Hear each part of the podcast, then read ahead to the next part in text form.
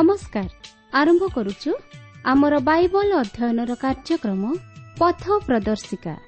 ପବିତ୍ର ବାଇବଲ କହେ ଯଦି ଆମ୍ଭେମାନେ ଆପଣା ଆପଣା ପାପ ସ୍ୱୀକାର କରୁ ତେବେ ସେ ଆମ୍ଭମାନଙ୍କର ପାପ କ୍ଷମା କରିବାକୁ ଓ ସମସ୍ତ ଅଧର୍ମରୁ ଆମ୍ଭମାନଙ୍କୁ ପରିଷ୍କାର କରିବାକୁ ବିଶ୍ୱସ୍ତ ଓ ନ୍ୟାୟବାନ ଅଟନ୍ତି। ଆସନ୍ତୁ ସେହି ଉଦ୍ଧାରକର୍ତ୍ତାଙ୍କର ପରିଚୟ ପାଇବା ନିମନ୍ତେ ଶୁଣିବା ବେତାର କାର୍ଯ୍ୟକ୍ରମ ପଥ ପ୍ରଦର୍ଶିକା।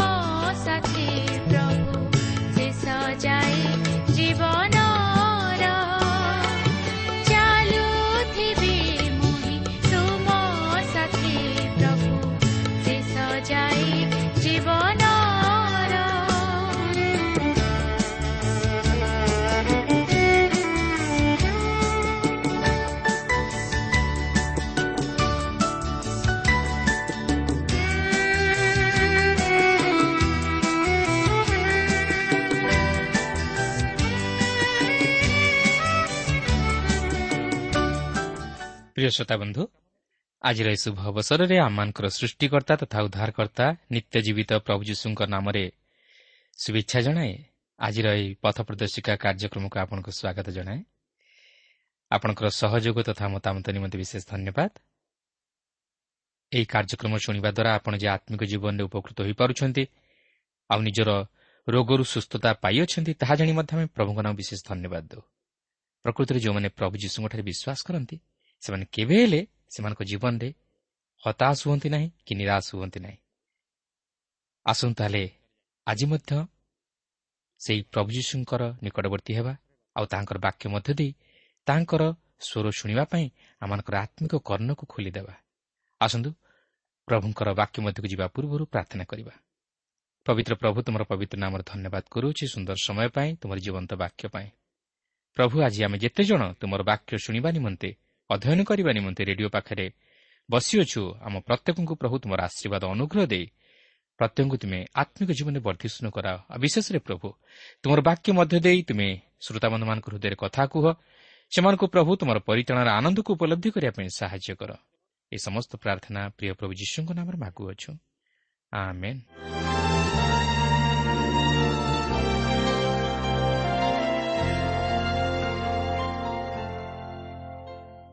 ଆସନ୍ତୁ ବର୍ତ୍ତମାନ ଆମେ ପ୍ରଭୁଙ୍କର ବାକ୍ୟ ମଧ୍ୟକୁ ଯିବା। ଆଜି ଆମେ ପ୍ରେରିତ ପୁସ୍ତକର କୋଡ଼ିଏ ପର୍ବର ପ୍ରଥମ ପଦରୁ ଆରମ୍ଭ କରି ସତେଇଶ ପଦ ପର୍ଯ୍ୟନ୍ତ ଅଧ୍ୟୟନ କରିବା ନିମନ୍ତେ ଯିବା। ଆପଣଙ୍କର ପାଖରେ ଯଦି ପବିତ୍ର ବାଇବଲ କିମ୍ବା ନୂତନ ନିୟମ ଅଛି ତାହେଲେ ମୋ ସହିତ ଖୋଲନ୍ତୁ ଅଧ୍ୟୟନ କରନ୍ତୁ ଏବଂ ଆବଶ୍ୟକ ସ୍ଥଳେ ଗୁରୁତ୍ୱପୂର୍ଣ୍ଣ ବିଷୟ ସବୁ ନିଜର ଖାତାରେ ଲେଖି ରଖନ୍ତୁ। ଏହି ସୁଯୋଗ ହରାନ୍ତୁ ନାହିଁ। ଆପଣ ଏହି ଅଧ୍ୟୟନରେ ନିୟମିତ ଅଂଶଗ୍ରହଣ କରିବା ଦ୍ୱାରା ପବିତ୍ର ବାଇବଲ ମଧ୍ୟରୁ ଅନେକ ନିଗୁଢ଼ ବିଷୟମାନ ଶିକ୍ଷା କରିପାରିବେ ଯାହାକି ଆପଣଙ୍କର ଆତ୍ମିକ ଜୀବନର ଅଭିବୃଦ୍ଧି ନିମନ୍ତେ ବିଶେଷ ସହାୟକ ହେବ। ତେବେ ଏହି ପର୍ବରେ ଆମେ ପ୍ରେରିତ ପାଉଲଙ୍କର ତୃତୀୟ ପ୍ରଚାର ଯାତ୍ରା ସମାପ୍ତ ହେବାର ଲକ୍ଷ୍ୟ କରିବାକୁ ପାରିବା। ଗତପାଠରେ ଆମେ ଦେଖିଥିଲୁ ଯେ ପ୍ରେରିତ ପାଉଲ ତାଙ୍କର ତୃତୀୟ ପ୍ରଚାର ଯାତ୍ରା ମଧ୍ୟରେ ଏଫିସକୁ ଆସି ସେଠାରେ ପ୍ରାୟ ଦୁଇ ବର୍ଷ ପର୍ଯ୍ୟନ୍ତ ରହି ସୁସମାଚାର ପ୍ରଚାର କଲେ। ମାତ୍ର ସେଠାରେ ମଧ୍ୟ ପ୍ରଚାର କାର୍ଯ୍ୟରେ ବାଧା ଉପୁଜିବାରୁ ଓ ତାହାଙ୍କ ପ୍ରତି ତାଡ଼ନା ଘଟିବାରୁ ସେ ସେହି ସ୍ଥାନ ଛାଡ଼ି ମାକିଦୋନିଆକୁ ଚାଲିଆସିଲେ। କିନ୍ତୁ ଆଜି ଆମେ ଏହି କୋଡ଼ିଏ ପର୍ବରେ ଦେଖିବାକୁ ଯିବା ଯେ ସେ ମାକିଦୋନିଆକୁ ଆସି ସେଠାରୁ ଫିଲିପ୍କୁ ଗଲେ ଓ ସେଠାରୁ ଫେରି ତ୍ରୋୟାକୁ ଗଲେ ଓ ଏହାପରେ ସେ ମିଲିତକୁ ଗଲେ। କିନ୍ତୁ ଏହି ମିଲିତରେ ଏଫିସ ମଣ୍ଡଳୀର ପ୍ରାଚୀନମାନେ ଆସି ପାଉଲଙ୍କ ସହିତ ମିଶିଲେ ଓ ସେମାନେ ସେହିଠାରେ ପାଉଲଙ୍କୁ ବିଦାୟ ଦେଲେ। ପାଉଲ ସେମାନଙ୍କଠାରୁ ବିଦାୟ ଘେନି ଜିରୁସାଲମକୁ ଆସିଲେ।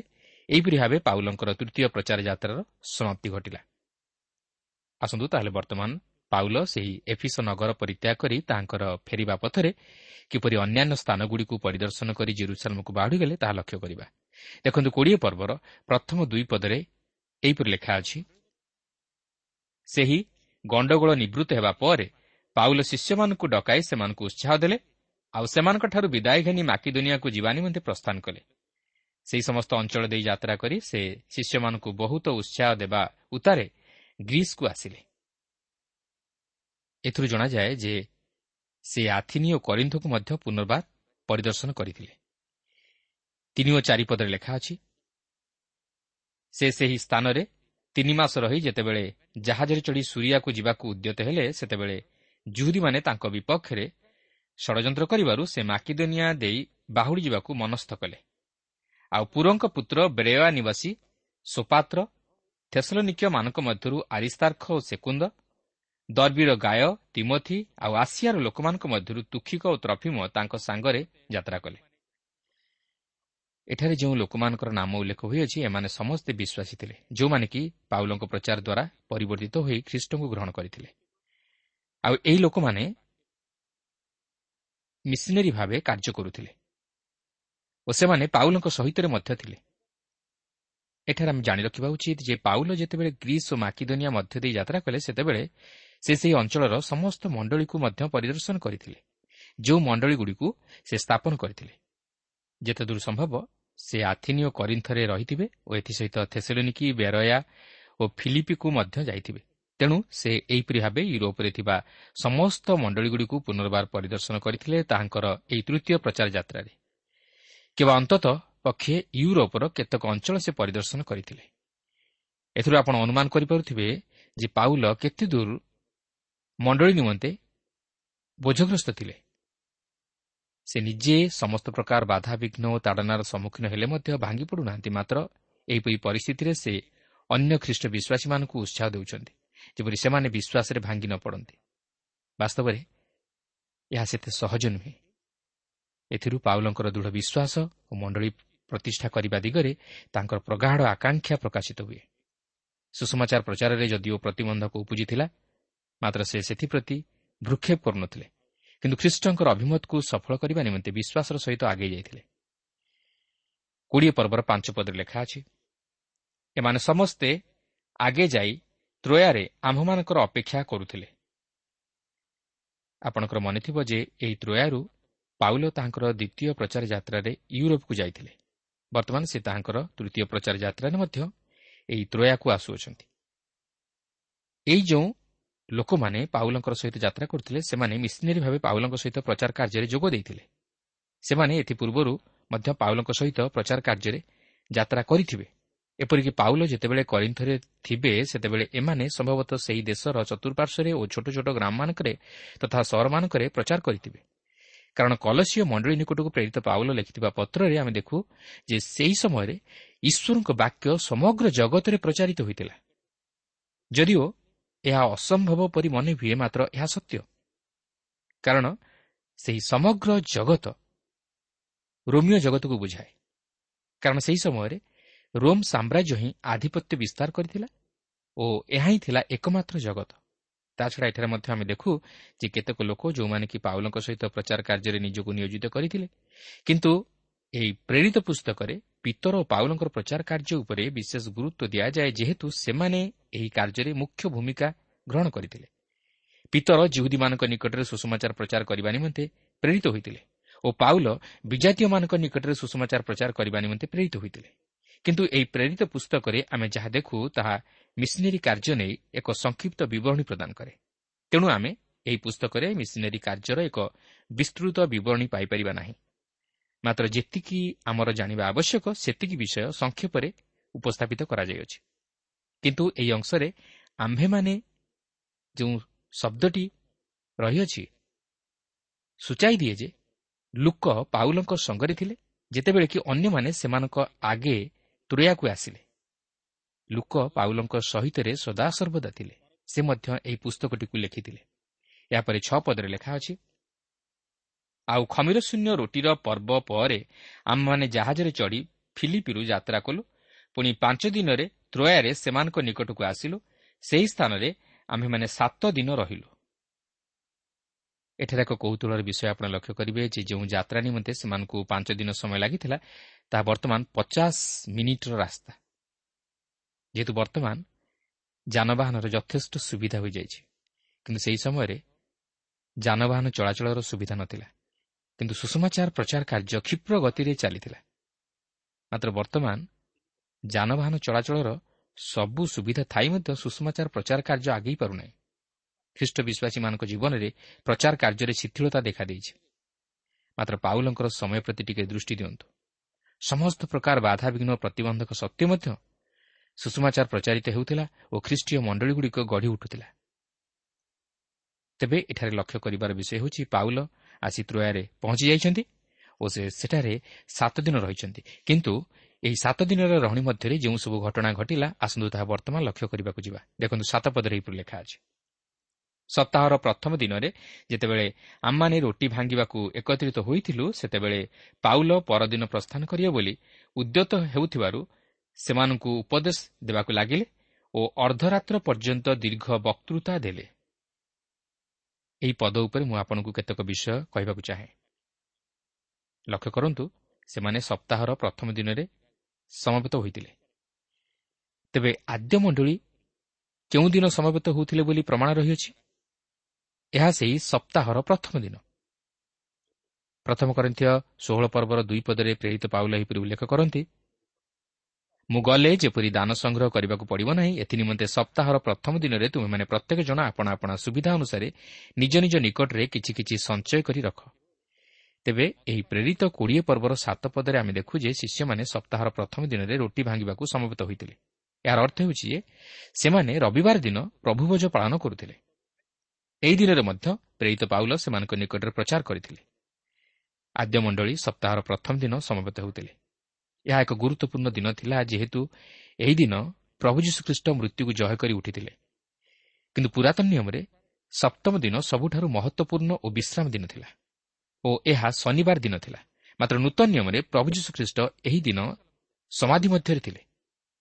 ସେ ମୃତ ହୋଇ ରହିଥିଲେ। କିନ୍ତୁ ସପ୍ତାହର ପ୍ରଥମ ଦିନ ଅର୍ଥାତ୍ ରବିବାର ଦିନ ସେ ମୃତ୍ୟୁକୁ ଜୟ କରି ଉଠିଲେ। ତେଣୁ ପ୍ରଭୁ ଯୀଶୁଙ୍କର ସେହି ବିଜୟର ଦିନକୁ ସ୍ମରଣ କରି ଆମେ ଏହି ରବିବାର ଦିନ ସମବେତ ହେଉ ଯେହେତୁ ଆମେ ଜୀବନ୍ତ ଖ୍ରୀଷ୍ଟଙ୍କ ସହିତ ସଂଯୁକ୍ତ ହୋଇଅଛୁ। ସେ ଆମମାନଙ୍କର ମୃତ ଈଶ୍ୱର ନୁହନ୍ତି ମାତ୍ର ଜୀବନ୍ତ ଈଶ୍ୱର। ତାହା ହେଉଛି ସପ୍ତାହର ପ୍ରଥମ ଦିନର ସାକ୍ଷ୍ୟ। ତେଣୁକରି ବର୍ତ୍ତମାନ ରବିବାର ଦିନଟିକୁ ବିଶ୍ରାମ ଦିନ ବୋଲି ପାଳନ କରାଯାଏ ଓ ପ୍ରତ୍ୟେକ ଖ୍ରୀଷ୍ଟ ବିଶ୍ୱାସୀମାନେ ଏହି ଦିନରେ ମଣ୍ଡଳୀ ମଧ୍ୟରେ ସମବେତ ହୋଇ ଈଶ୍ୱରଙ୍କର ପୂଜା ଆରାଧନା କରନ୍ତି। ଆଉ ଏକ କୌତୁହଳର ବିଷୟ ଆପଣ ଲକ୍ଷ୍ୟ କରିବେ ଯେ ପାଉଲ ପରବର୍ତ୍ତୀ ଦିନ ଚାଲିଯିବ ବୋଲି ସେ ତହିଁର ପୂର୍ବଦିନ ଅର୍ଦ୍ଧରାତ୍ରି ପର୍ଯ୍ୟନ୍ତ ବକ୍ତୃତା ଦେଲେ। ତେବେ ମୁଁ ଜାଣେ ନାହିଁ ଯେ ବର୍ତ୍ତମାନ ସେପରି କେହି ଅର୍ଦ୍ଧରାତ୍ରି ପର୍ଯ୍ୟନ୍ତ ଧୈର୍ଯ୍ୟର ସହିତ ପ୍ରଭୁଙ୍କର ବାକ୍ୟ ଶୁଣିବେ ବା କୌଣସି ବକ୍ତା ସେହିପରି ଅର୍ଦ୍ଧରାତ୍ରି ପର୍ଯ୍ୟନ୍ତ ଈଶ୍ୱରଙ୍କ ବାକ୍ୟ ପ୍ରଚାର କରିବେ। କିନ୍ତୁ ସେ ଯାଉନା କାହିଁକି ଏହା ଥିଲା ପାଉଲଙ୍କର ଶେଷ ପରିଦର୍ଶନ। ଏହା ଏକ ଅତି ସୁନ୍ଦର ସହଭାଗିତା ଥିଲା। ସେ ସେମାନଙ୍କୁ ପରିତ୍ୟାଗ କରିବା ନିମନ୍ତେ ପ୍ରସ୍ତୁତ ହେଉଛନ୍ତି ଏବଂ ସେ ଆଉ ଫେରିବେ ନାହିଁ। ତେଣୁକରି ସେହି କାରଣରୁ ସେ ଦୀର୍ଘ ସମୟ ଧରି ବକ୍ତୃତା ଦେଲେ। ସେ ଅର୍ଦ୍ଧରାତ୍ରି ପର୍ଯ୍ୟନ୍ତ ବକ୍ତୃତା ଦେଲେ। କିନ୍ତୁ ସେ କିପରି ଦେଲେ ତାହା ମୁଁ କହିପାରିବି ନାହିଁ ମାତ୍ର ସେ ଦୀର୍ଘ ସମୟ ଧରି ବକ୍ତୃତା ଦେଲେ। କିନ୍ତୁ ଦେଖନ୍ତୁ ଘଟଣା କ'ଣ ହେଲା? ଆଠ ପଦରେ ଲେଖା ଅଛି ଯେଉଁ ଉପର କୋଠରୀରେ ଆମ୍ଭେମାନେ ଏକତ୍ର ହୋଇଥିଲୁ ସେ ସ୍ଥାନରେ ଅନେକ ପ୍ରଦୀପ ଥିଲା। ଦେଖନ୍ତୁ ସେମାନେ ଏପରି ଏକ ସ୍ଥାନରେ ସମବେତ ହୋଇଥିଲେ ଯେଉଁଠାରେ ଅନେକ ପ୍ରଦୀପ ଥିଲା। ଏହି ଆଦ୍ୟମଣ୍ଡଳୀର ଖ୍ରୀଷ୍ଟ ବିଶ୍ୱାସୀମାନେ ଅର୍ଦ୍ଧରାତ୍ରି ପର୍ଯ୍ୟନ୍ତ ବସି କେବେ ହେଲେ ଈଶ୍ୱରଙ୍କ ବାକ୍ୟ ଶୁଣି ନଥିଲେ। ମାତ୍ର ସେମାନେ ପାଉଲଙ୍କର ବାକ୍ୟ ପ୍ରଚାର ଶୁଣିବା ନିମନ୍ତେ ଅର୍ଦ୍ଧରାତ୍ରି ପର୍ଯ୍ୟନ୍ତ ବସି ରହିଥିଲେ। ଈଶ୍ୱରଙ୍କ ବାକ୍ୟ ଶୁଣିବା ନିମନ୍ତେ ସେମାନଙ୍କ ମନରେ ଯେଉଁ ପ୍ରବଳ ଆଗ୍ରହ ଥିଲା ତାହା ଏଥିରୁ ଜଣାଯାଏ। ତେଣୁ ପ୍ରିୟ ବନ୍ଧୁ ଯଦି ଜଣେ ପ୍ରଚାରକ ଅଧିକ ସମୟ ଧରି ବାକ୍ୟ ପ୍ରଚାର କରନ୍ତି ତାହେଲେ ଧୈର୍ଯ୍ୟର ସହିତ ତାହା ଶୁଣନ୍ତୁ କିନ୍ତୁ ମନର ବିରକ୍ତି ଭାବ ପ୍ରକାଶ କରନ୍ତୁ ନାହିଁ। ହଁ ମୁଁ ଜାଣେ ବର୍ତ୍ତମାନ ସେହିପରି ଦୀର୍ଘ ସମୟ ଧରି କୌଣସି ପ୍ରଚାରକ ଈଶ୍ୱରଙ୍କ ବାକ୍ୟ ପରିବେଷଣ କରନ୍ତି ନାହିଁ କି କରିବାକୁ ସାହସ ମଧ୍ୟ କରନ୍ତି ନାହିଁ। ସେହିପରି ପାଉଲଙ୍କ ପରି ଦୀର୍ଘ ସମୟ ଧରି ବକ୍ତା ମଧ୍ୟ ନାହାନ୍ତି। ତାଛଡ଼ା ବକ୍ତାମାନଙ୍କୁ ମଣ୍ଡଳୀ ମଧ୍ୟରେ ଦୀର୍ଘ ସମୟ ଧରି ବକ୍ତୃତା ଦେବା ନିମନ୍ତେ ମଧ୍ୟ ସୁଯୋଗ ଦିଆଯାଏ ନାହିଁ। କିନ୍ତୁ ଯଦି କେହି ଭୁଲ ବଶତଃ କିଛି ଅଧିକ ସମୟ ଧରି ଈଶ୍ୱରଙ୍କ ବାକ୍ୟ ପ୍ରଚାର କରେ ତାହେଲେ ଆପଣ ଅଧୈର୍ଯ୍ୟ ନ ହୋଇ ଧୈର୍ଯ୍ୟର ସହିତ ତାହା ଶୁଣିବାକୁ ଚେଷ୍ଟା କରନ୍ତୁ। ତେବେ ପାଉଲ ଅଧିକ ସମୟ ଧରି ପ୍ରଚାର କରିବା ଫଳରେ କ'ଣ ଘଟିଲା? ଆସନ୍ତୁ ଲକ୍ଷ୍ୟ କରିବା। ନଅ ପଦରେ ଲେଖା ଅଛି ଆଉ ୟୁତୁଖ ନାମରେ ଜଣେ ଯୁବା ଲୋକ ଝରକା ଉପରେ ବସିଥିଲା। ତାକୁ ଭାରି ନିଦ ଲାଗୁଥିଲା। ପୁଣି ପାଉଲ ଉପଦେଶ ଆହୁରି ଦୀର୍ଘ କରିବାରୁ ସେ ନିଦ୍ରାମଗ୍ନ ହୋଇ ତୃତୀୟ ମହଲାରୁ ତଳେ ପଡ଼ିଗଲା। ଆଉ ତାକୁ ଉଠାଇଲା ବେଳକୁ ସେ ମୃତ ବୋଲି ଜଣାଗଲା। ଦେଖନ୍ତୁ ଏହି ୟୁତୁଖର ଅବସ୍ଥା। ସେ ପାଉଲଙ୍କର ପ୍ରଚାର ଶୁଣିବା ନିମନ୍ତେ ଝରକା ଉପରେ ବସିଥିଲା। ମାତ୍ର ସେ ନିଦ୍ରାମଗ୍ନ ହୋଇ ସେହି ତୃତୀୟ ମହଲାରୁ ତଳେ ପଡ଼ି ମଲା। ଆଜି ଅନେକ ଆଗ୍ରହର ସହିତ ଈଶ୍ୱରଙ୍କ ବାକ୍ୟ ଶୁଣିବା ନିମନ୍ତେ ବିଭିନ୍ନ ସଭାସମିତି ବା ଗିର୍ଜାକୁ ଯାଆନ୍ତି କିନ୍ତୁ ସେମାନେ ଈଶ୍ୱରଙ୍କ ବାକ୍ୟ ଶୁଣିବା ପରିବର୍ତ୍ତେ ନିଦ୍ରା ଯାଆନ୍ତି। କିଏ ବା ବସି ଢୁଳାନ୍ତି ତେଣୁକରି ସେମାନେ ଆତ୍ମିକ ଜୀବନରେ ଅଧପତିତ ହୁଅନ୍ତି। ତେବେ ୟୁତୁଖ ଯଦି ସେହି ସ୍ଥାନରେ ତଳେ ପଡ଼ି ମରିଥାନ୍ତା ଓ ସେହି ଘଟଣା ସେତିକିରେ ସମାପ୍ତ ହୋଇଯାଇଥାନ୍ତା ତାହେଲେ ତାହା ଅତି ମର୍ମନ୍ତୁଦ ଘଟଣା ହୋଇଥାନ୍ତା। କିନ୍ତୁ ଘଟଣାଟି ସେତିକିରେ ଶେଷ ହୋଇନଥିଲା ଦଶରୁ ବାର ପଦ ମଧ୍ୟରେ ଲେଖା ଅଛି ସେଥିରେ ପାଉଲ ତଳକୁ ଓହ୍ଲାଇ ଆସି ତା ଉପରେ ପଡ଼ି ତାହାକୁ ଆଲିଙ୍ଗନ କରି କହିଲେ କୋଳାହଳ କର ନାହିଁ କାରଣ ଏହାଠାରେ ଜୀବନ ଅଛି। ପରେ ସେ ଉପରକୁ ଯାଇ ରୁଟି ଭାଙ୍ଗି ଭୋଜନ କଲେ ପୁଣି ପ୍ରଭାତ ହେବା ପର୍ଯ୍ୟନ୍ତ ସେମାନଙ୍କ ସହିତ ବହୁତ କଥାବାର୍ତ୍ତା କରି ପ୍ରସ୍ଥାନ କଲେ। ଆଉ ସେମାନେ ସେହି ବାଳକକୁ ଜୀବିତ ଅବସ୍ଥାରେ ଆଣି ଅତ୍ୟନ୍ତ ଆଶ୍ୱାସ ପ୍ରାପ୍ତ ହେଲେ। ଦେଖନ୍ତୁ ପାଉଲ ଏଠାରେ ପ୍ରଭୁଙ୍କଠାରୁ ପାଇଥିବା ଶକ୍ତିକୁ ମଧ୍ୟ ବ୍ୟବହାର କରୁଅଛନ୍ତି। ସେ ସେହି ଯୁବାକୁ ମୃତ୍ୟୁରୁ ଉଠାଇ ଅଛନ୍ତି। ପିତର ମଧ୍ୟ ଦରକାରଙ୍କୁ ମୃତ୍ୟୁରୁ ଉଠାଇଥିଲେ। ପ୍ରଭୁ ସେମାନଙ୍କୁ ଏହିପରି ଅଲୌକିକ ଶକ୍ତିର କାର୍ଯ୍ୟମାନ ସାଧନ କରିବା ନିମନ୍ତେ ଦାନ ଦେଇଥିଲେ। ଯେପରି ସେମାନଙ୍କ ପ୍ରଚାର ଦ୍ୱାରା ସୁଷମାଚାରର ସତ୍ୟତା ପ୍ରମାଣିତ ହୁଏ ଓ ସେମାନେ ଯେ ଈଶ୍ୱରଙ୍କ ଦ୍ୱାରା ପ୍ରେରିତ ତଥା ମନୋନୀତ ବ୍ୟକ୍ତି ଏହା ଯେପରି ଜଗତ ଜାଣିବାକୁ ପାରେ। ପ୍ରେରିତ ପାଉଲ ଆପଲଙ୍କ ପରି ଜଣେ ସୁବକ୍ତା ନଥିଲେ। ମାତ୍ର ତାହାଙ୍କର ପ୍ରଚାର ଶୁଣିବା ନିମନ୍ତେ ଲୋକମାନେ ସାରା ରାତି ଉଜାଗର ରହିଥିଲେ। ବର୍ତ୍ତମାନ ଯଦି କୌଣସି ପ୍ରଚାରକ ବା ବକ୍ତା ନିର୍ଦ୍ଧାରିତ ସମୟଠାରୁ ପାଞ୍ଚ ମିନିଟ୍ କିମ୍ବା ଦଶ ମିନିଟ୍ ଅଧିକ ସମୟ ନେଇଯାଆନ୍ତି ତାହେଲେ ଲୋକମାନେ ଅଧୈର୍ଯ୍ୟ ହୋଇଯାଆନ୍ତି। ମାତ୍ର ଲକ୍ଷ୍ୟ କରନ୍ତୁ ସେହି ଆଦ୍ୟ ମଣ୍ଡଳୀର ଖ୍ରୀଷ୍ଟ ବିଶ୍ୱାସୀମାନେ ସାରା ରାତି ଉଜାଗର ରହି ଈଶ୍ୱରଙ୍କ ବାକ୍ୟ ଶୁଣୁଥିଲେ। ଯେହେତୁ ସେମାନେ ଈଶ୍ୱରଙ୍କ ବାକ୍ୟ ନିମନ୍ତେ କ୍ଷୁଦିତ ଥିଲେ। କିନ୍ତୁ ବର୍ତ୍ତମାନ ଲୋକମାନଙ୍କ ନିକଟରେ ଈଶ୍ୱରଙ୍କ ବାକ୍ୟ ଥାଇ ମଧ୍ୟ ଲୋକେ ତାହା ଅଧ୍ୟୟନ କରିବା ନିମନ୍ତେ ସମୟ ଦେଇପାରନ୍ତି ନାହିଁ। ସେମାନେ ଗୋଟିଏ ଘଣ୍ଟା ଈଶ୍ୱରଙ୍କ ବାକ୍ୟ ଶୁଣିବା ନିମନ୍ତେ ଦେଇପାରନ୍ତି ନାହିଁ। କିନ୍ତୁ ପ୍ରିୟ ବନ୍ଧୁ ଆମେ ଯଦି ଈଶ୍ୱରଙ୍କ ବାକ୍ୟ ପ୍ରତି ମନୋଯୋଗୀ ନ ହେଉ କିମ୍ବା ମନୋଯୋଗର ସହିତ ନ ଶୁଣୁ ତାହେଲେ ସେହି ୟୁତୁକ ପରି ଆମର ଅବସ୍ଥା ହେବ। ସେଦିନ ପାଉଲ ୟୁତୁଖକୁ ମୃତ୍ୟୁରୁ ବଞ୍ଚାଇଥିଲେ। ଯେପରି ସେ ଈଶ୍ୱରଙ୍କ ବାକ୍ୟ ଶୁଣିବା ନିମନ୍ତେ ସୁଯୋଗ ପାଏ ପ୍ରଭୁ ମଧ୍ୟ ଆଜି ଆମମାନଙ୍କୁ ସୁଯୋଗ ଦେଇଛନ୍ତି ତାହାଙ୍କ ବାକ୍ୟ ଶୁଣିବା ନିମନ୍ତେ। କିନ୍ତୁ ଆମେ ଯଦି ସୁଯୋଗର ସଦ୍ବ୍ୟବହାର ନ କରୁ ତାହେଲେ ଆମ୍ଭେମାନେ ଆତ୍ମିକ ଜୀବନରେ ମୃତ ହୋଇ ରହିଥିବା। କେବେ ହେଲେ ବଞ୍ଚିପାରିବା ନାହିଁ। ତେଣୁ ଆସୁ ଯେତେ ଦୂର ସମ୍ଭବ ଆମେ ଈଶ୍ୱରଙ୍କ ବାକ୍ୟ ଶୁଣିବାରେ ଅଧିକ ସମୟ ଦେଉ ଓ ଆତ୍ମିକ ଜୀବନରେ ଦିନ ପ୍ରତିଦିନ ବୃଦ୍ଧି ପାଇବାକୁ ଚେଷ୍ଟା କରୁ। ବର୍ତ୍ତମାନ ଆମେ ଦେଖିବା ଯେ ସେ ତ୍ରୟାରୁ ଯାତ୍ରା କରି ମିଲିତକୁ ଆସିଲେ ଓ ଏହି ମିଲିତରେ ମଧ୍ୟ ସେ ମଣ୍ଡଳୀର ପ୍ରାଚୀନମାନଙ୍କୁ ଏକତ୍ର କରି ସେମାନଙ୍କୁ କେତେକ ଉପଦେଶ ଦେବା ସଙ୍ଗେ ସଙ୍ଗେ ଉତ୍ସାହ ପ୍ରଦାନ କଲେ। କୋଡ଼ିଏ ପର୍ବର ତେର ପଦରେ ଏହିପରି ଲେଖା ଅଛି କିନ୍ତୁ ଆମ୍ଭେମାନେ ଆଗେ ଜାହାଜରେ ଚଢ଼ି ଆସସ୍କୁ ଯାତ୍ରା କଲୁ। ସେଠାରୁ ଆମ୍ଭେମାନେ ପାଉଲଙ୍କୁ ଘେନିଯିବା ପାଇଁ ମନେ କରିଥିଲୁ। କାରଣ ସେ ନିଜେ ସ୍ଥଳ ପଥରେ ଯିବା ପାଇଁ ଇଚ୍ଛା କରି ସେ ପ୍ରକାର ସ୍ଥିର କରିଥିଲେ। ବର୍ତ୍ତମାନ ସେମାନେ ସେହି ତ୍ରୟାରୁ ପୁନର୍ବାର ଯାତ୍ରା ଆରମ୍ଭ କରିଛନ୍ତି। ଲୁକ ଓ ଅନ୍ୟମାନେ ଜଳପଥରେ ପାର ହୋଇ ଆଗେ ଆସସ୍ରେ ଯାଇ ପହଞ୍ଚିଛନ୍ତି କିନ୍ତୁ ପାଉଲ ପାଦରେ ଚାଲି ଚାଲି ଯାଇଛନ୍ତି। କିନ୍ତୁ ପାଉଲ କାହିଁକି ସେ ପ୍ରକାର କଲେ? ଆପଣ କ'ଣ ଚିନ୍ତା କରୁଛନ୍ତି? ତେବେ ମୁଁ ନିଶ୍ଚିତ ଯେ ସେ ସେହି ପଥରେ ଚାଲି ଚାଲି ଯିବା ସମୟରେ ଲୋକମାନଙ୍କ ନିକଟରେ ସୁଷମାଚାର ପ୍ରଚାର କରିଥିବେ ଓ ପ୍ରଭୁ ଯୀଶୁଙ୍କର ସାକ୍ଷୀ ହୋଇଥିବେ।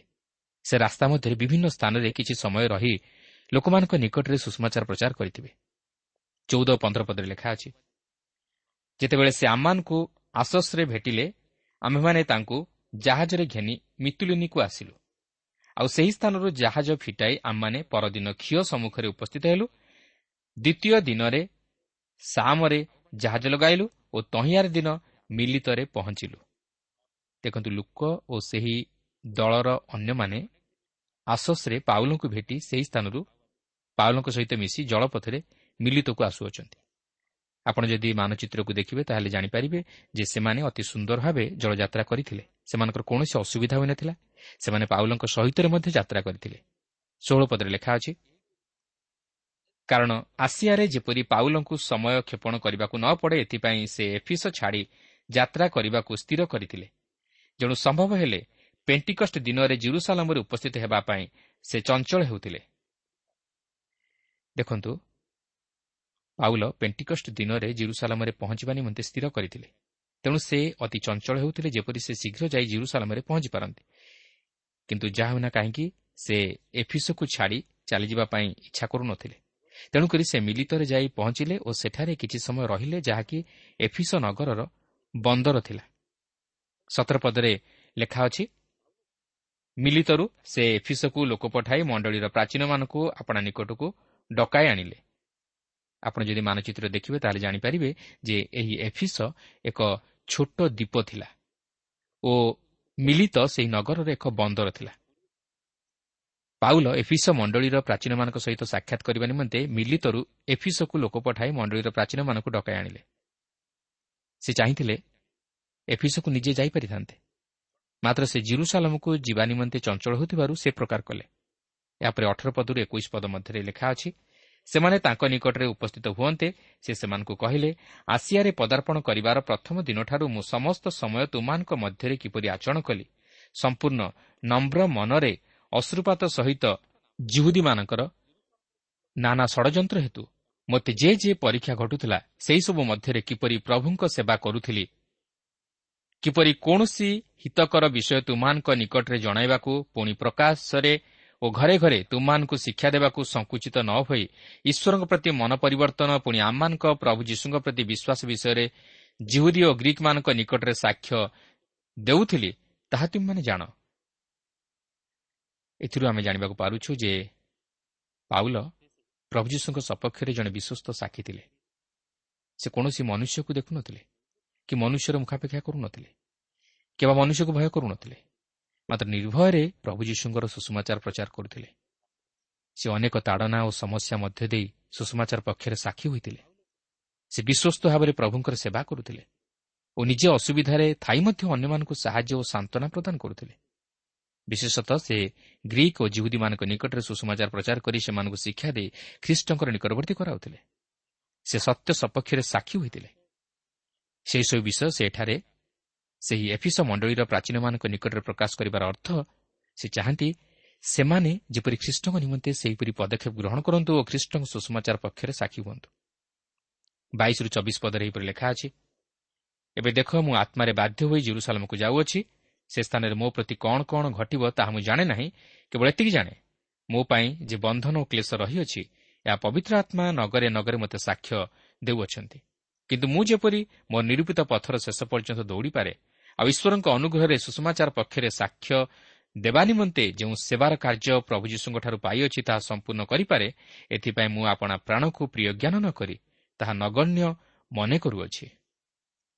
ଏହି ଅଂଶଟି ପାଠ କରିବା ପରେ ଆପଣ ବୋଧହୁଏ ଭାବୁଥିବେ ଯେ ପାଉଲ ଜିରୁସାଲାମକୁ ନ ଯାଇଥିଲେ ଭଲ ହୋଇଥାନ୍ତା।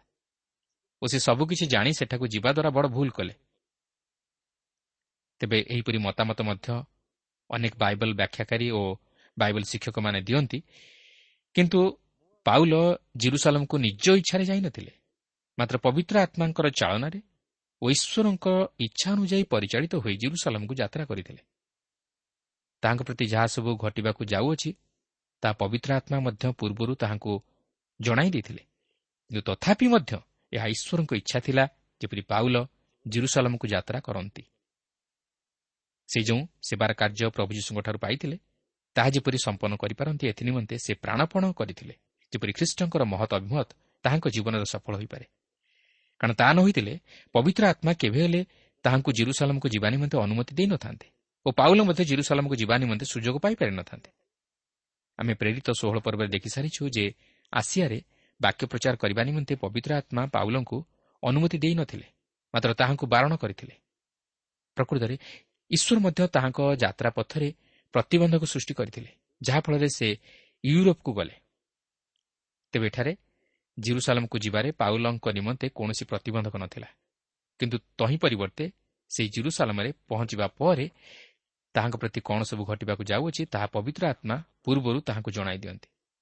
ପାଉଲ ମଧ୍ୟ ଏଠାରେ ପରିଷ୍କାର ଭାବେ ଜାଣିପାରୁଛନ୍ତି ଯେ ଯଦି ସେ ଜିରୁସାଲାମକୁ ଯାଆନ୍ତି ତାହେଲେ ସେ ସେଠାରେ ନିଶ୍ଚିତ ଭାବେ ସମସ୍ୟାର ସମ୍ମୁଖୀନ ହେବେ ଓ ତାଡ଼ନା ଭୋଗ କରିବେ।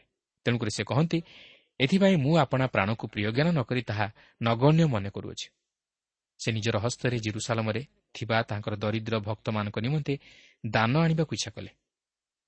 କାରଣ ଏହି ଜିରୁସାଲମ ମଧ୍ୟ ତାହାଙ୍କର ମିଶନ କ୍ଷେତ୍ର ମଧ୍ୟରୁ ଗୋଟିଏ କ୍ଷେତ୍ର ଥିଲା ଯାହାକୁ ସେ ତାହାଙ୍କର ଏହି ଶେଷ ପ୍ରଚାର ଯାତ୍ରାରେ ମଧ୍ୟ ପରିଦର୍ଶନ କରିବାକୁ ଇଚ୍ଛା କରିଥିଲେ ଓ ଭାଇମାନଙ୍କ ସହ ସହଭାଗିତା ସ୍ଥାପନ କରି ସେମାନଙ୍କୁ ତାହାଙ୍କର କାର୍ଯ୍ୟର ଏକ ଉତ୍ସାହଜନକ ବିବରଣୀ ପ୍ରଦାନ କରିବାକୁ ଚାହିଁଥିଲେ।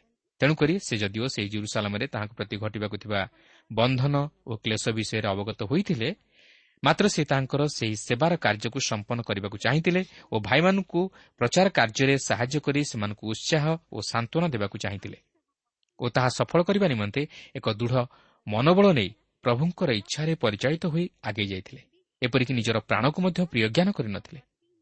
ପଚିଶରୁ ସତେଇଶ ପଦ ମଧ୍ୟରେ ଆମେ ଲକ୍ଷ୍ୟ କରିବାକୁ ପାରୁ ଯେ ପାଉଲ ଜାଣିପାରିଥିଲେ ଯେ ସେ ସେମାନଙ୍କର ମୁଖ ଆଉ ଦେଖିପାରିବେ ନାହିଁ? ସେ ମଧ୍ୟ ଜାଣିଥିଲେ ଯେ ସେମାନଙ୍କ ନିକଟରେ ବିଶ୍ୱସ୍ତତାର ସହିତ ସେବାର କାର୍ଯ୍ୟ ସମ୍ପନ୍ନ କରିଅଛନ୍ତି ଓ ସେମାନଙ୍କ ନିମନ୍ତେ ଯାହା କରିବା କଥା ଓ ସେମାନଙ୍କୁ ଯେଉଁପରି ଭାବେ ଈଶ୍ୱରଙ୍କ ବିଷୟରେ ଶିକ୍ଷା ଦେବା କଥା ତାହା ସାଧନ କରିଛନ୍ତି। ତେଣୁକରି ସେ ନିଜେ ଆତ୍ମସନ୍ତୋଷ ଲାଭ କରିବା ସଙ୍ଗେ ସଙ୍ଗେ ସେମାନଙ୍କ ରକ୍ତର ଦାୟିତ୍ୱରୁ ଯେ ମୁକ୍ତ ତାହା ସେ ସେମାନଙ୍କ ନିକଟରେ ସାକ୍ଷ୍ୟ ଦିଅନ୍ତି। ପ୍ରିୟ ବନ୍ଧୁ ଆମେ ଯଦି ପାଉଲଙ୍କ ଜୀବନକୁ ଲକ୍ଷ୍ୟ କରିବା ତାହେଲେ ଜାଣିପାରିବା ଯେ ସୁଷମାଚାର ପ୍ରଚାର କରି ଅନ୍ୟ ହଜାତ୍ମାମାନଙ୍କୁ ଖ୍ରୀଷ୍ଟଙ୍କର ନିକଟବର୍ତ୍ତୀ କରାଇବାରେ ସେ କେତେ ଦୂର ଆଗ୍ରହୀ ଥିଲେ। ସୁଷମାଚାର ପ୍ରଚାର କରିବା ତାହାଙ୍କ ଜୀବନର ମୂଳ ଲକ୍ଷ୍ୟ ଥିଲା। ତେଣୁକରି ସେ ଯେକୌଣସି ସ୍ଥାନକୁ ଯାଉଥିଲେ ସେଠାରେ ସୁଷମାଚାର ପ୍ରଚାର କରୁଥିଲେ ଯେପରି ସେହି ଲୋକମାନଙ୍କର ରକ୍ତର ଦାୟୀ ସେ ନ ହୁଅନ୍ତି। ତେଣୁ ଆମ ଜୀବନର ମଧ୍ୟ ସେହି ଲକ୍ଷ୍ୟ ହେଉ ଯେପରି ଆମେ ପ୍ରଭୁ ଯୀଶୁ ଖ୍ରୀଷ୍ଟଙ୍କର ମହତ ଇଚ୍ଛାକୁ ସଫଳ କରିବା ସଙ୍ଗେ ସଙ୍ଗେ ସେହି ଗୌରବର ମୁକୁଟ ପ୍ରାପ୍ତ ହୋଇପାରିବା। ପ୍ରଭୁ ପ୍ରତ୍ୟେକଙ୍କୁ ଆଶୀର୍ବାଦ କରନ୍ତୁ। ପ୍ରିୟ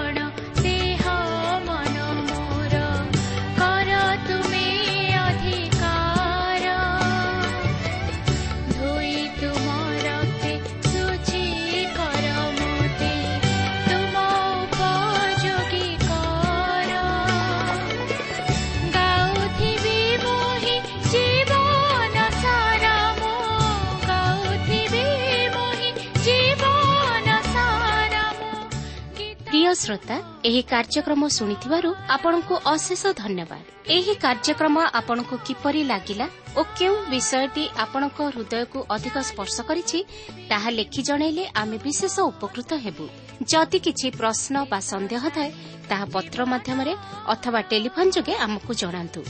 ଆମର ଠିକଣା Path Pradarshika Trans World Radio India post box number ତିନି ତିନି ଭୁବନେଶ୍ୱର ସାତ ପାଞ୍ଚ ଏକ ଶୂନ ଶୂନ ଏକ mobile number nine seven double seven double two one four one five ଠିକଣାଟି ଆଉଥରେ ଶୁଣନ୍ତୁ Path Pradarshika Trans World Radio India post box number three three Bhubaneswar seven five one zero zero one mobile number nine seven double seven double two one four one five ଆମର email ଆଡ୍ରେସଟି ଲେଖି ରଖନ୍ତୁ Odia TV at radio eight eight two dot com ତେବେ ଆଜି ପାଇଁ ଏଠାରେ ରଖୁଛୁ। ନମସ୍କାର। ପାପ ସବୁ ପ୍ରଭୁ जाए